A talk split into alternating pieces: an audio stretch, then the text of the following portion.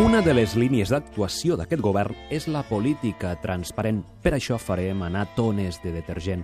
Ho anirem netejant tot fins a arribar a una transparència que ens dugui a la perfecta circunferència.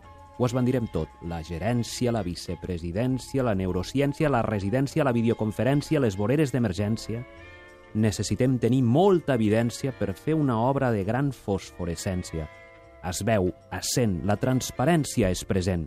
De moment, democràticament anirem tirant portes, parets, sostres, aquells plats d'ostres i amb totes les safates també de postres. Haurem de resar molts pare nostres perquè desapareguin totes les mostres, les nostres, les vostres, perquè tot quedi fulminat. Ben abacallanat, ben enllustrat, ben avillat, ben netejat, ben rentat. I sí, tot ha quedat tan transparent que fins i tot hem eliminat el president. doncs fixa't, i el presentador espero que no.